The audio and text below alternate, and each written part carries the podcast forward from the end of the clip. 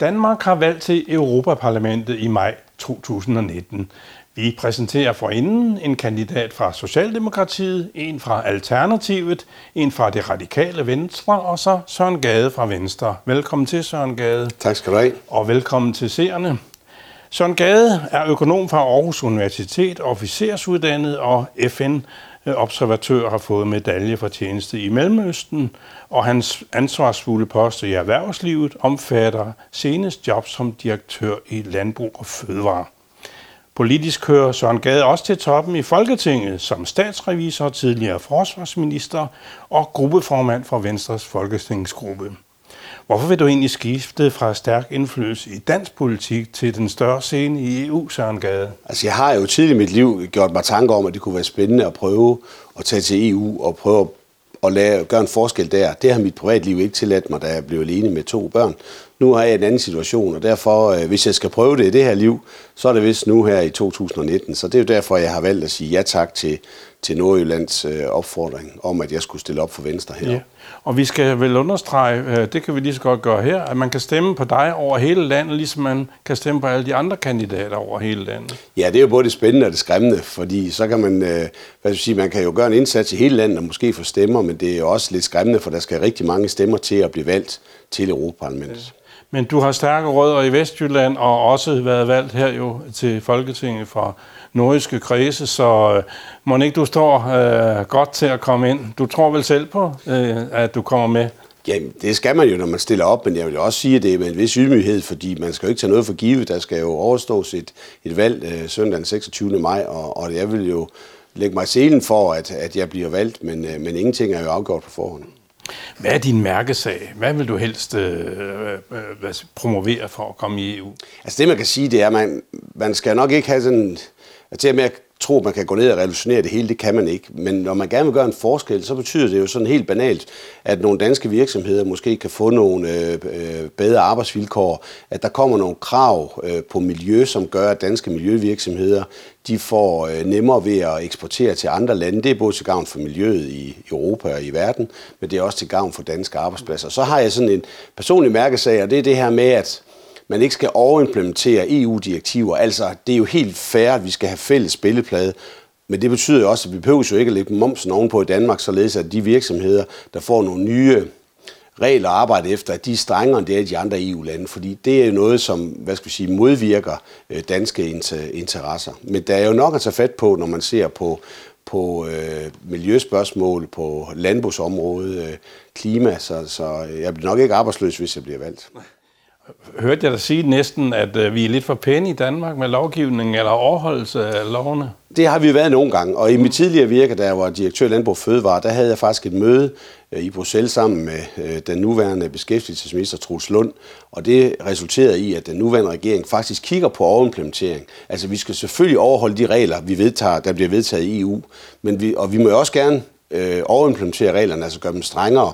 Men så synes jeg som minimum, vi skal fortælle det til borgerne, at nu gør vi det, fordi det også er i danske interesser. Fordi nogle gange kan virksomheden jo ikke helt forstå, hvorfor de skal behandle strengere, end man skal i, i andre lande. Og det vil jo i sidste ende betyde, at en konkurrencefordel måske forsvinder, eller bliver det modsatte. Jeg kunne forestille mig, at dit hjerte stadigvæk brænder for dansk landbrug og, og fødevare.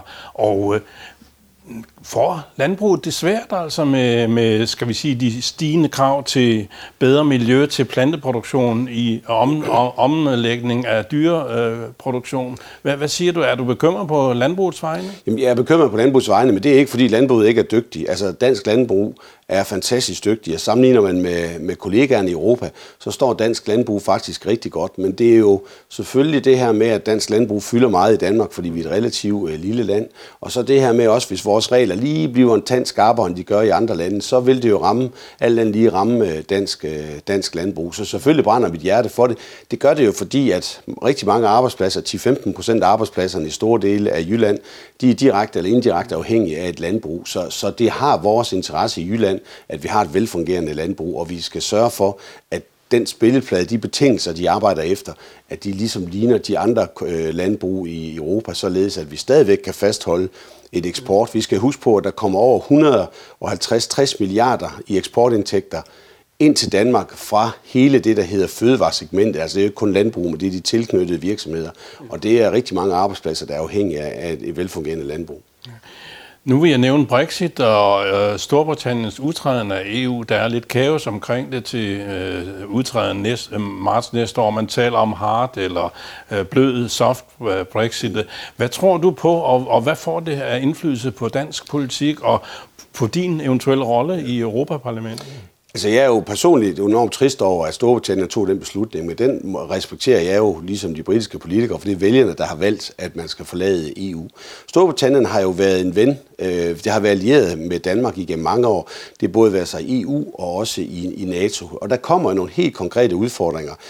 Det, vi har jo en stor del af de fisk, vi lander, de bliver fanget i britisk farvand. Jeg tror, det er op til 40 procent af fiskene. Hvis vi går ind og, og ikke får lavet en aftale, hvis EU ikke får lavet en aftale med Storbritannien, og vi mister det fiskevand, så er det altså over en milliard kroner og næsten 1000 arbejdspladser. Og det er jo noget, vi vil kunne mærke heroppe i Nordjylland.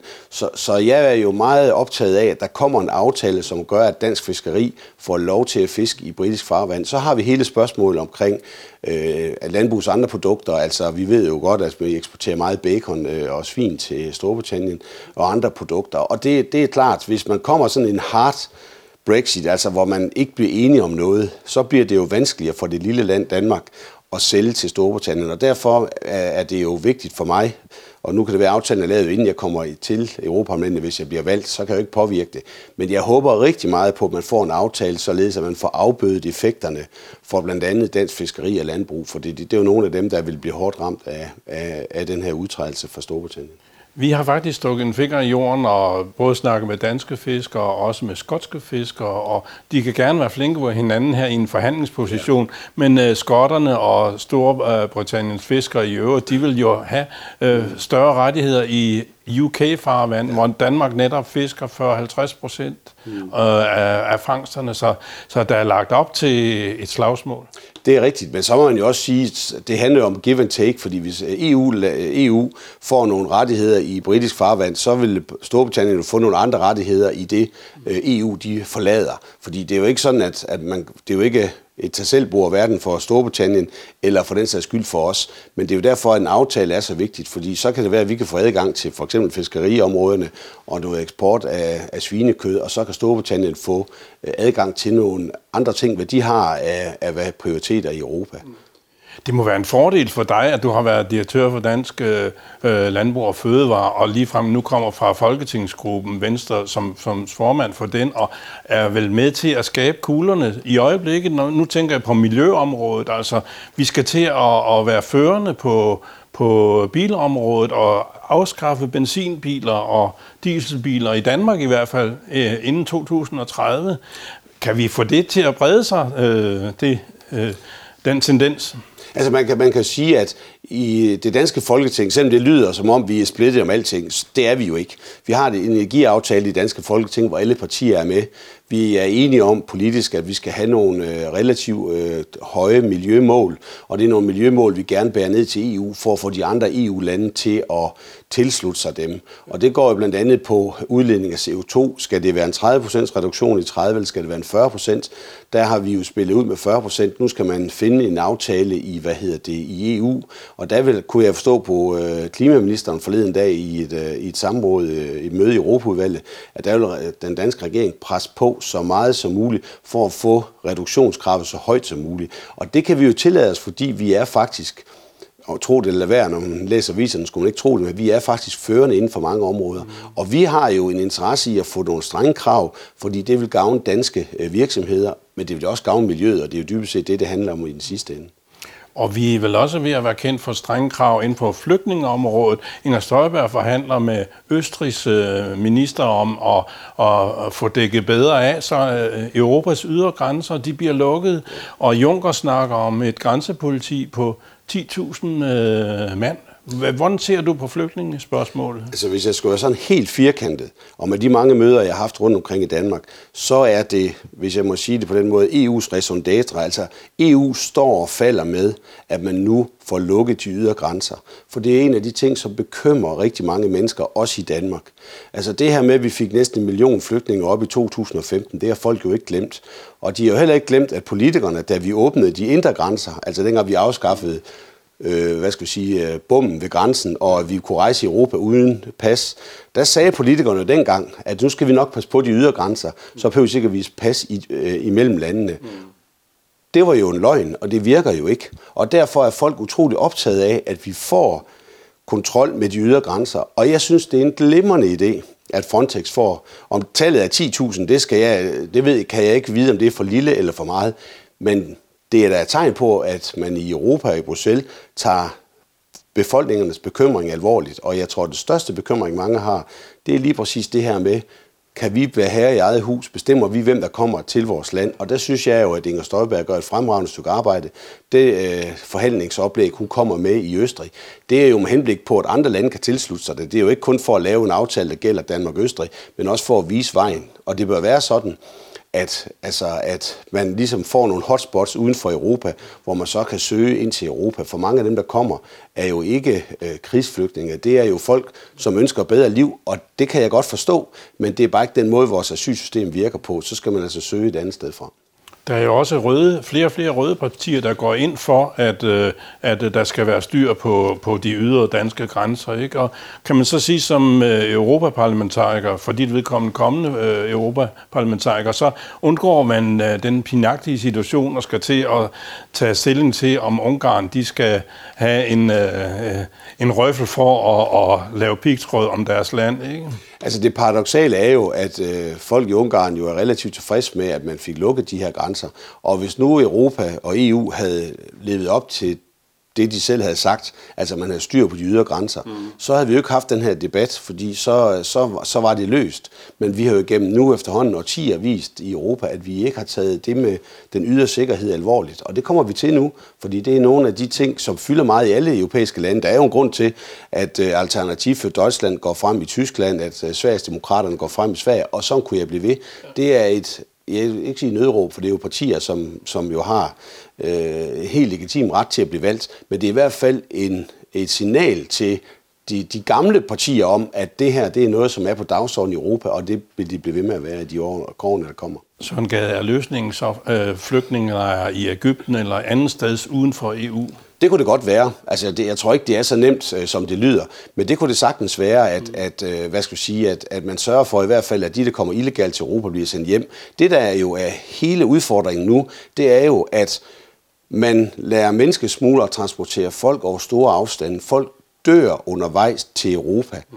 Og så sender vi dem hjem igen, fordi vi giver dem et falsk håb om, at de kan blive her. Og vi er nødt til at blive noget hårdere, således at vi ødelægger menneskesmuglernes ruter ved at sige, hvis I kommer herop, så bliver I sendt hjem igen. Spar nu de penge, og så, øh, hvad skal vi sige, skal vi ligesom have været her i, i eget hus, og så vil vi også kunne begynde at hjælpe de flygtninge, som har størst brug for øh, beskyttelse. Og i øjeblikket er det jo, der er det jo den stærkeste, der vinder, og den svageste har ikke en chance noget helt andet. Der er højkonjunktur i Danmark og i øh, en del øh, i det øvrige Europa, og vi skal have ny arbejdskraft. Nu skal det så ikke være omskolede flygtninge, men vi skal så have eksperter, specialister og måske også håndværkere udefra. Hvordan sikrer vi arbejdskraften øh, fremover? Ja, altså i øjeblikket i det danske folketing, der er der ligesom to veje. Altså regeringen og regeringens støttepartier øh, har jo ligesom sagt, at vi synes, at de 418.000, det er for meget. Vi vil gerne have grænsen sat ned. Mm. Øh, det er der ikke et flertal for i Folketinget, så det tror jeg kan blive svært øh, virksomhederne mangler arbejdskraft, og hvis ikke vi kan finde dem inde i Danmark, så skal vi have nogen udefra, og kan vi ikke få sat beløbsgrænsen ned for udvalgte lande ude for EU, så må vi jo være bedre til at rekruttere blandt mange af de arbejdsløse europæere, som findes specielt i de sydeuropæiske lande. Fordi et eller andet skal vi jo gøre, og der kan jo også være nogle skruer at skrue på øh, der. Jeg kunne godt tænke mig at høre, hvad du synes om øh, øh, Øh, EU's konkurrencekommissær øh, Marianne Vestager, hun er jo øh, radikal venstre, tidligere leder af partiet herhjemme, og er kendt som en skrab dame i EU, har givet Google og, og nogle af de Apple og nogle af de andre store internationale virksomheder bøder. Skal vi fortsat have en dansk EU-kommissær? i fremtiden? Altså, vi skal jo have en kommissær i hvert fald. Jeg kan sige, at jeg kender Margrethe Vestager personligt, og er, er, er hun er en fantastisk øh, kvinde, og hun er en meget, meget dygtig kommissær. Det, der bare altid er udfordring, det skal man huske, det er, en kommissær er jo en del af et politisk spil. Margrethe, gør et frem, Margrethe Vestager gør et fremragende stykke arbejde, men det vil den næste kommissær også gøre. Og der er jo ikke tradition for, at en blå vælger en rød kommissær og modsat. Men de kommissærer, vi har haft, har jo alt andet lige været dygtige politikere, som har løst den opgave, de har, de har fået. Så hvis du spørger mig, om jeg tror, det bliver vanskeligt for Margrethe, på trods af, at jeg kender hende og fortsætte, så vil jeg sige, ja, det bliver meget vanskeligt, fordi øh, om, om Lars Lykke skulle pege på Margrethe Vestager, det tror jeg ikke kommer til at ske. Skulle en Mette Frederiksen gøre det? Ja, de radikale har jo lige sagt og undsagt øh, Mette Frederiksen, så jeg kan ikke helt se, hvordan øh, Margrethe Vestager hun skulle blive kommissær igen, med mindre de radikale får et flertal, og det tror jeg ikke, de gør.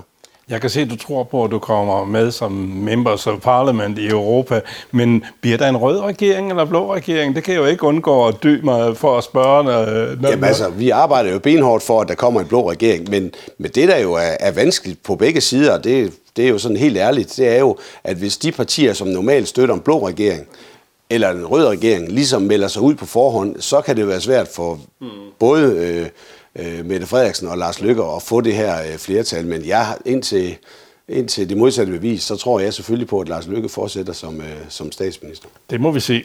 Vi har fire øh, EU-forbehold, og unionsborgerskabet, det er vel en død sild, øh, Søren Gade, eller, eller det, hvad? Det, er, det må man sige, ja. det er det. Det er i hvert fald ikke noget, øh, der er mange politikere, der vil, øh, der vil slås for. Så tager vi de tre andre. Euroen, skal vi med i et europæisk valutasamarbejde? Ja, altså det holder ikke meget vågen om natten, at vi ikke er med. Altså der kan være en politiske del af det, man siger, at det er bedre at være med ved bordet.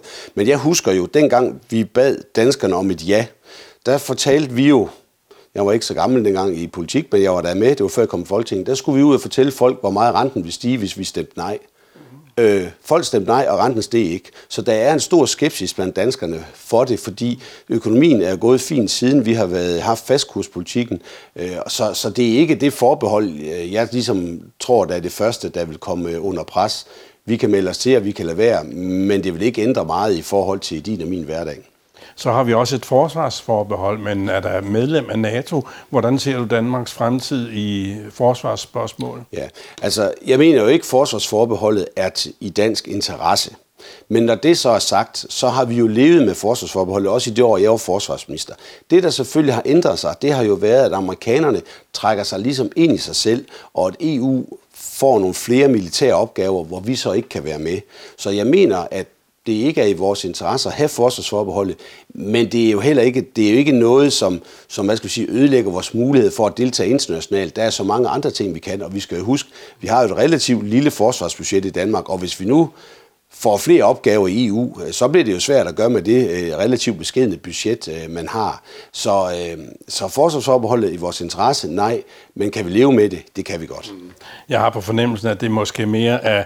Øh det, det retslige forbehold, du er interesseret i at få afskaffet her nu, eller snarest muligt. Ikke? Det er irriterende med, med øh, Europol, og vi ikke kan få politifolk til at arbejde i det daglige med, med direkte adgang til EU's øh, internetforbindelser og, og deres øh, databaser.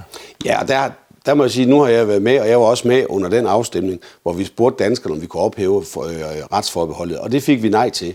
Og det, det ærger mig selvfølgelig mig. Jeg anerkender og respekterer fuldstændig det, som øh, danskerne øh, jo sagde, men jeg er ked af, at det ikke lykkedes os øh, ja-partier at få folk overbevist. Fordi lige helt konkret, det du spørger til, ja. det er et problem. Uanset hvad der bliver sagt af modstanderne, i Folketingssalen, så er det et problem, når nu politistationen helt bogstaveligt bliver flyttet ud på iPad'en, hvor betjenten står ude i en lille landsby og stopper en bil. Så kan han eller hun ikke gå direkte ind på de her databaser. Og så kan man blive ved med at snakke om den her forbindelsesofficer. Men en forbindelsesofficer, der sidder nede i Interpol, kan jo ikke klare 10, 15, 20, 50 opkald øh, i minuttet eller i timen. Det lader sig ikke gøre, og det betyder bare, at politiets arbejde bliver mere kompliceret. Det er jeg trist over, og jeg håber jo på, at vi på et tidspunkt vi får sikkert ikke en afstemning, så i hvert fald får en aftale på det område, og jeg håber jo også, at de partier, som var så fast i troen på, at det ikke medførte problemer, at de også på et eller andet sted bekender deres sønder og arbejder for, at lige præcis den del her kan blive løst for dansk politi, men i sidste ende jo for os to som borgere, for det er vores tryghed i hverdagen, som bliver bedre, hvis man giver politiet nogle bedre redskaber. Så Gade, tiden den går desværre alt for hurtigt i dit gode selskab. Du har 30 sekunder nu til at fortælle, hvorfor skulle danskerne stemme på dig her i maj måned næste år som europaparlamentariker? Ja, hvorfor skal de stemme på mig? Altså, nu har jeg jo min erfaring fra, fra Folketinget og sådan bredt ude i erhvervslivet, og jeg vil jo sådan prøve at bringe min synes jeg selv, lidt sund fornuft øh, med til Europa. Jeg vil arbejde benhårdt for nordjyske interesser, for danske interesser, øh, og det er jo derfor, jeg synes, at, øh, at folk skulle prøve at, at stemme på mig. Men jeg er meget ydmyg over for, at, at vi har valget, og, og jeg håber jo inderligt, at jeg får den, bliver vist den tillid, at jeg får lov til at, at arbejde i EU fra 2019. Held og lykke med valget. Tak skal du have. Det var så Søren Gade, Venstres, øh, øh Venstres øh, kandidat til Europaparlamentet. Vi præsenterer tre andre i den her serie. En fra Socialdemokratiet, en fra de radikale venstre og en fra Alternativet. Tak for nu og på gensyn.